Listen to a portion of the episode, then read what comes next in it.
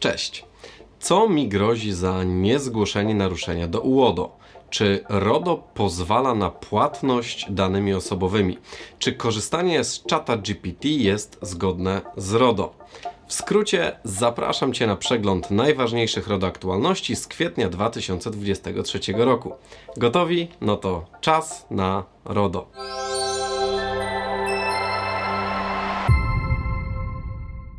W ogóle pan nie jest znany z działania. To jest moja recepta na utrzymanie tego stanowiska. Ja po prostu nie podjąłem przez te 40 parę lat ani jednej decyzji. Co mi grozi za niezgłoszenie naruszenia do UODO? Odpowiem krótko i konkretnie, na przykład kara finansowa w wysokości 52 tysięcy złotych. Właśnie taką karę Urząd Ochrony Danych Osobowych nałożył na jedną ze spółdzielni mieszkaniowych. Za co ta kara? Ano właśnie za niezgłoszenie do UODO naruszenia ochrony danych oraz za niezawiadomienie e, o naruszeniu osoby, której dane dotyczą. Ale po kolei. Do UODO wpłynęła wiadomość od osoby trzeciej informująca, że udostępniono jej jako osobie nieuprawnionej informacje dotyczące jednego z członków spółdzielni mieszkaniowej. Jak szczegółowe były to dane? No, dość szczegółowe. Konkretnie imię, nazwisko, numer PESEL oraz adres zamieszkania. Spółdzielnia mieszkaniowa była świadoma całej sytuacji. Odnotowała e, incydent w rejestrze naruszeń, ba, pracownicy spółdzielni przeprowadzili nawet analizę ryzyka naruszenia. No to w czym problem? Ano właśnie w tym, że wynik tej analizy wskazywał niskie ryzyko naruszenia praw i wolności osoby, której dane zostały udostępnione. A jak konsekwentnie od lat powtarza UODO, wyciek numeru PESEL wiąże się z wysokim ryzykiem dla praw i wolności osób fizycznych, co oznacza w praktyce, że właściwie każdy taki incydent musi być zgłoszony nie tylko do regulatora, ale i powinniśmy powiadomić osobę, której dane wyciekły, do której należy wycieknięty numer PESEL. Czy ja się z taką opinią zgadzam i czy sądy w każdym przypadku się z nią zgadzają? No, to już temat na zupełnie inną historię. Jeszcze tytułem wyjaśnienia powiem Ci, dlaczego urząd uznaje, że wyciek numerów PESEL zawsze powoduje wysokie ryzyko naruszenia praw i wolności osoby. UODO podkreśla, że zestawienie takich danych jak ujawniane imię, nazwisko czy numer PESEL jest wystarczające do podszycia się pod tą osobę i na przykład zaciągnięcia zobowiązań pieniężnych. Nawet jeśli te negatywne konsekwencje się nie wydarzą, to ważna jest już sama tylko możliwość ich wystąpienia. Dlatego osoba pokrzywdzona powinna zostać poinformowana o naruszeniu i potencjalnych jego konsekwencjach. Więcej na ten temat dowiesz się z naszego odcinka, mm, który jest dostępny na naszym kanale. E, tytuł odcinka to Czy numer PESEL to dane wrażliwe? Link do odcinka znajdziesz oczywiście na dole w opisie. No dobrze, a jakie wnioski powinieneś czy powinnaś wyciągnąć ty z tej kary dla siebie i swojej organizacji? Po pierwsze, w przypadku naruszeń ochrony danych osobowych nie wystarczy podjęcie podstawowych działań, czyli opisanie incydentu w wewnętrznym rejestrze i wykonanie oceny ryzyka. E, bardzo ważny będzie wynik tej oceny, wynik tej analizy ryzyka naruszenia. Ocena powinna być obiektywna, rzetelna, nie powinna być wykonywana pod tezę, czyli nie zakładajmy z góry jej wyniku i konsekwencji zgłoszenia albo niezgłoszenia organu i zawiadomienia albo niezawiadomienia osoby. Po drugie i najważniejsze, jeżeli w Twojej organizacji dojdzie do naruszenia ochrony danych osobowych z numerem PESEL w roli głównej, to zawsze będziesz stawać przed dylematem. Czy zachować się podręcznikowo, zgodnie z wytycznymi Urzędu Ochrony Danych Osobowych i niezależnie od jakichkolwiek okoliczności zgłosić naruszenie do urzędu i powiadomić osobę, której dane dotyczą? Czy może zachować się zdroworozsądkowo i uwzględnić wszystkie okoliczności łagodzące i minimalizujące ryzyka naruszenia praw i wolności ofiary wycieku. Może przekazany numer PESEL nie był żadną tajemnicą i był ogólnodostępny w publicznych rejestrach, bo należał do prezesa zarządu spółki. Może PESEL był przekazany w formie zaszyfrowanej i odbiorca nie jest w stanie go odczytać. Może osoba nieuprawniona, która weszła w posiadanie numeru PESEL, to tylko jeden zaufany do tego pracownik spółki z naszej grupy kapitałowej albo wieloletniego podwykonawcy i zobowiązał się do niezwłocznego usunięcia tych danych. Oba podejścia mają swoje wady i zalety. Jeżeli wybierzesz bramkę numer jeden i zgłosisz naruszenie do UODO i zawiadomisz osobę o naruszeniu, to teoretycznie zmniejszysz ryzyko nałożenia kary przez organ nadzorczy przynajmniej w scenariuszu, w którym zakładamy, że urząd w ogóle dowie się o incydencie, bo zostanie zawiadomiony przez osobę poszkodowaną albo osobę trzecią, która otrzymała niechciane dane. Możesz też zawsze wybrać bramkę numer dwa, czyli wykonasz naprawdę obiektywną analizę ryzyka naruszenia, na podstawie której pomimo wytycznych UODO uznasz, że to naruszenie nie powoduje wysokiego ryzyka naruszenia praw i wolności osoby poszkodowanej. W takim scenariuszu zwiększasz ryzyko nałożenia na ciebie kary finansowej przez UODO, tylko znowu uwaga, zakładając, że urząd dowie się o tym naruszeniu. A co jeśli UODO nałoży na ciebie karę? No, nie będziesz automatycznie na straconej pozycji, bo zdarzały się już przypadki, kiedy administratorzy zaskarżali decyzję organu nadzorczego i wygrywali w sądzie. Którą opcję wybrać? Nie ma rozwiązania idealnego. My generalnie rekomendujemy opcję numer jeden pozostawiając sobie jednak pewne pole manewru i decydując się w drodze wyjątku na opcję numer dwa, jeśli istnieje szereg przesłanek minimalizujących ryzyka dla osoby, której dane wyciekły. Niezależnie od tego, którą opcję wybierzesz, powinna być ona w pełni świadoma i w pełni udokumentowana, czyli musisz mieć na jej poparcie odpowiedni wpis w rejestrze naruszeń i odpowiednią obiektywną i rzetelną ocenę ryzyka naruszenia. Jesteś inspektorem ochrony danych J albo jesteś multi-J i obsługujesz z zakresu RODO wiele firm i organizacji, a może pracujesz w dziale compliance, bezpieczeństwa albo prawnym i częścią Twoich obowiązków jest ochrona danych osobowych, no to mam dla Ciebie bardzo dobrą wiadomość. Wspólnymi siłami Czas na RODO zespołu blogdaneosobowe.pl oraz ekspertów z LexArtist przygotowaliśmy dla Ciebie praktyczny webinar z tematyki ochrony danych osobowych. A jaka to konkretnie tematyka? Tytuł webinaru to Jak nowocześnie monitorować zgodność z RODO, czyli wnioski z kontroli UODO. W czasie webinaru podzielimy się z Tobą naszymi praktycznymi doświadczeniami z kontroli Urzędu Ochrony Danych, w których uczestniczyliśmy w ostatnich 12 miesiącach.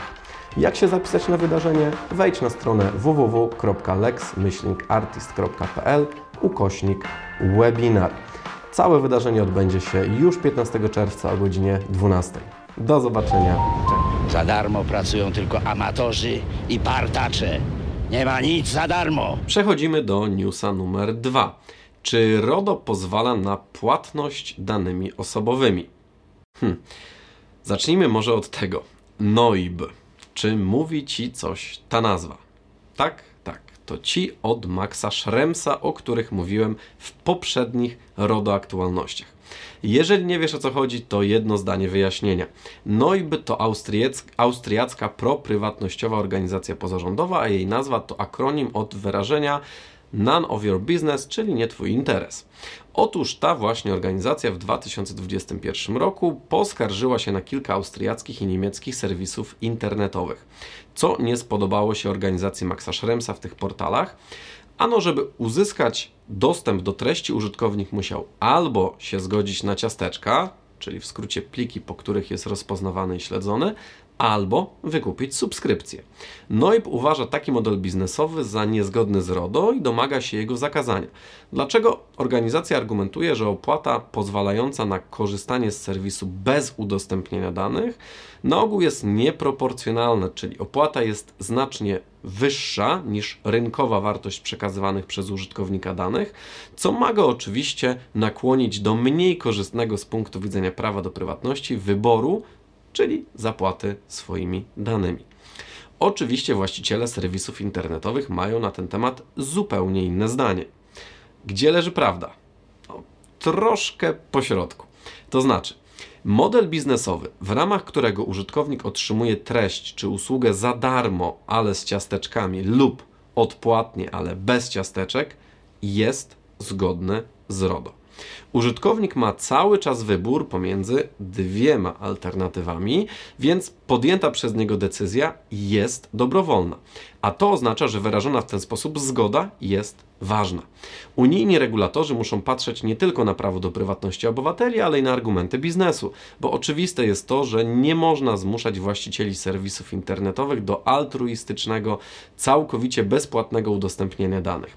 Ktoś musi zapłacić dziennikarzom za ich pracę, utrzymać hosting, w skrócie sprawić, żeby biznes się spinał, a my za to możemy konsumować bezpłatnie treści.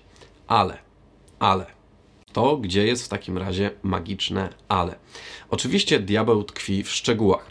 Kluczowa jest tutaj kwestia ceny, jaką użytkownik ma zapłacić za odpłatną alternatywę. Bardzo ważne, żeby ta cena była rynkowa, to znaczy była proporcjonalna do wartości, jaką prezentują dane użytkownika i jakie musiałby udostępnić serwisowi w bezpłatnym scenariuszu. No dobrze, to jakie wnioski płyną z tego RODO Newsa dla Ciebie i Twojej organizacji? Po pierwsze, możesz stosować model biznesowy polegający na płatności za treści lub usługi danymi osobowymi. Po drugie, pamiętaj, żeby w takim przypadku zapewnić użytkownikowi odpłatną alternatywę. Chodzi o to, żeby nie zmuszać użytkownika do płacenia swoimi danymi osobowymi. No i po trzecie wreszcie, ta odpłatna alternatywa musi być proporcjonalna do wartości danych, jakie użytkownik udostępniłby w wariancie bezpłatnym jeżeli chodzi o sztuczną inteligencję, bo to jest potężna technologia i wszystko zależy od tego, czy trafi w ręce Jokera czy Batmana. Przechodzimy do newsa numer 3. Czy korzystanie z ChatGPT jest zgodne z RODO? Odpowiem krótko. We Włoszech już nie, w Polsce jeszcze tak. Ale o co chodzi? Włoski Urząd Ochrony Danych Osobowych, czyli odpowiednik naszego UODO, nakazał ze skutkiem natychmiastowym czasowe ograniczenie przetwarzania danych włoskich użytkowników przez OpenAI. Jest to amerykańska firma, która opracowała i zarządza platformą ChatGPT. Skąd taka decyzja Włochów? Tamtejszy organ nadzoru ma uzasadnione obawy o zagwarantowanie prawa do prywatności użytkownikom czata GPT. Chodzi o m.in. o brak informacji dla użytkowników i wszystkich zainteresowanych, których dane gromadzi OpenAI. Obawy włoskiego regulatora budzi też brak wyraźnej podstawy prawnej uzasadniającej masowe gromadzenie i przechowywanie e, czy przetwarzanie w innej formie danych osobowych. Co jeszcze? Dzieci. Zgodnie z warunkami opublikowanymi przez OpenAI, usługa skierowana jest do osób powyżej 13 roku życia. Ale jednocześnie w usłudze brak jakiegokolwiek filtra do weryfikacji wieku użytkowników, a to może narażać małoletnich na odpowiedzi absolutnie nieodpowiednie w porównaniu do ich stopnia rozwoju i samoświadomości. Gdzie jeszcze widzimy zagrożenia płynące ze sztucznej inteligencji? W ryzyku udostępniania informacji poufnych. Nie tylko danych osobowych, ale i na przykład tajemnic przedsiębiorstwa. Prawdziwa potęga i zagrożenie czata GPT wiąże się z tym, że algorytm uczy się na podstawie dostarczanych mu danych. Dzięki temu z jednej strony z każdym kolejnym użyciem algorytm staje się mądrzejszy, bardziej precyzyjnie udziela odpowiedzi, jest lepiej dostosowany do potrzeb użytkowników. Ale ta mądrość ma swoją cenę, bo z drugiej strony tą mądrością ChatGPT dzieli się ze wszystkimi użytkownikami. To znaczy, korzystając z czata GPT, musisz liczyć się z tym, że wszystkie dane, jakie do niego prześlesz, są przechowywane na zewnętrznych serwerach i mogą w każdej chwili zostać ujawnione także innym użytkownikom, na przykład z Twojej konkurencji.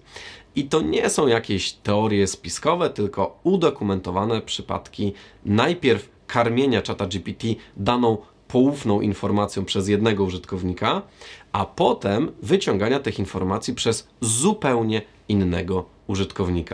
Na te ryzyka i zagrożenia nie jest obojętna Europejska Rada Ochrony Danych Osobowych EROT, która postanowiła utworzyć specjalną, poświęconą właśnie przetwarzaniu danych osobowych przez czata GPT oraz szerzej sztuczną inteligencję mm, i w tym celu EROT utworzył specjalną grupę roboczą, grupę zadaniową. No dobrze, to jakie wnioski możesz Ty wyciągnąć dla swojej organizacji z tego RODO Newsa? Po pierwsze, sztuczna inteligencja daje ogromne możliwości. Pozwala upraszczać, automatyzować, ulepszać masę procesów i zadań. AI to genialne narzędzie i daleki jestem do zakładania na głowę foliowej czapeczki i oskarżania sztucznej inteligencji o całe złotego świata. Ale, ale, ale, znowu jest jakieś ale. Tutaj przechodzimy do wniosku numer dwa. Cytując klasyka. Remember, with great power. No właśnie, z wielką mocą idzie w parze wielka odpowiedzialność. Korzystanie z AI wiąże się z wieloma ryzykami. Podstawowe z nich to ryzyko ujawnienia poufnych informacji, danych osobowych i tajemnic przedsiębiorstwa. Dlatego super ważne jest to, żeby korzystać ze sztucznej inteligencji w sposób odpowiedzialny. Absolutnie pod żadnym pozorem nie przekazuj jej żadnych poufnych informacji ani danych osobowych korzystając z AI, musisz liczyć się z tym, że czymkolwiek ją nakarmisz, może to zostać zwrócone innej osobie, na przykład pracownikowi Twojej konkurencji. Dlatego płynnie przechodzimy do wniosku numer 3 ureguluj w swojej organizacji zasady korzystania ze sztucznej inteligencji. inteligencji. Możesz odgórnie zakazać korzystania z czata GPT i podobnych narzędzi. Na ten krok zdecydował się chociażby amerykański gigant technologiczny firma Apple. Możesz też zdecydować się na bardziej miękkie rozwiązanie. Opracuj regulamin korzystania z AI w Twoim miejscu pracy, pokaż pracownikom wyraźnie, co mogą, a czego nie mogą przekazywać do narzędzi obsługiwanych przez sztuczną inteligencję. Szkolenie w tym temacie na pewno też by nie zaszkodziło. Niezależnie od tego, którą opcję wybierzesz, wybierz jakąś. Brak decyzji w tym temacie może narażać Twoją organizację na szereg niebezpieczeństw. Podsumowując, po pierwsze, uważaj na naruszenia ochrony danych z PESEL-ami w roli głównej. Teoretycznie każde takie naruszenie zgłaszaj do UODO oraz zawiadamiaj osoby, której dane w ten sposób wyciekły. Po drugie, możesz opierać swój model biznesowy na płaceniu danymi. Pamiętaj tylko, żeby zagwarantować użytkownikom odpłatną, proporcjonalną alternatywę. Po trzecie, ureguluj zasady korzystania ze sztucznej inteligencji w Twojej organizacji i pod żadnym pozorem nie karm jej poufnymi informacjami, w tym danymi osobowymi. Po czwarte, koniecznie podziel się w komentarzach swoimi doświadczeniami z korzystania z czata GPT. Czy zdarzyło Ci się otrzymać od AI jakąś odpowiedź, która zawierałaby właśnie jakieś dane osobowe albo inne poufne informacje nie dla Twoich oczu? A po piąte, po piąte, jeżeli chcesz być na bieżąco z naszymi RODO Newsami, zasubskrybuj nasz kanał. Gdzieś tutaj na dole powinien się pojawić przycisk do subskrypcji i kliknij w dzwoneczek. Z nami najważniejsze RODO aktualności i wnioski z nich płynące na pewno Cię nie ominą. A jeśli będziesz mieć jakieś pytania czy wątpliwości, pisz do nas albo dzwoń. Dane kontaktowe znajdziesz w opisie odcinka. Pomożemy. Do zobaczenia. Cześć.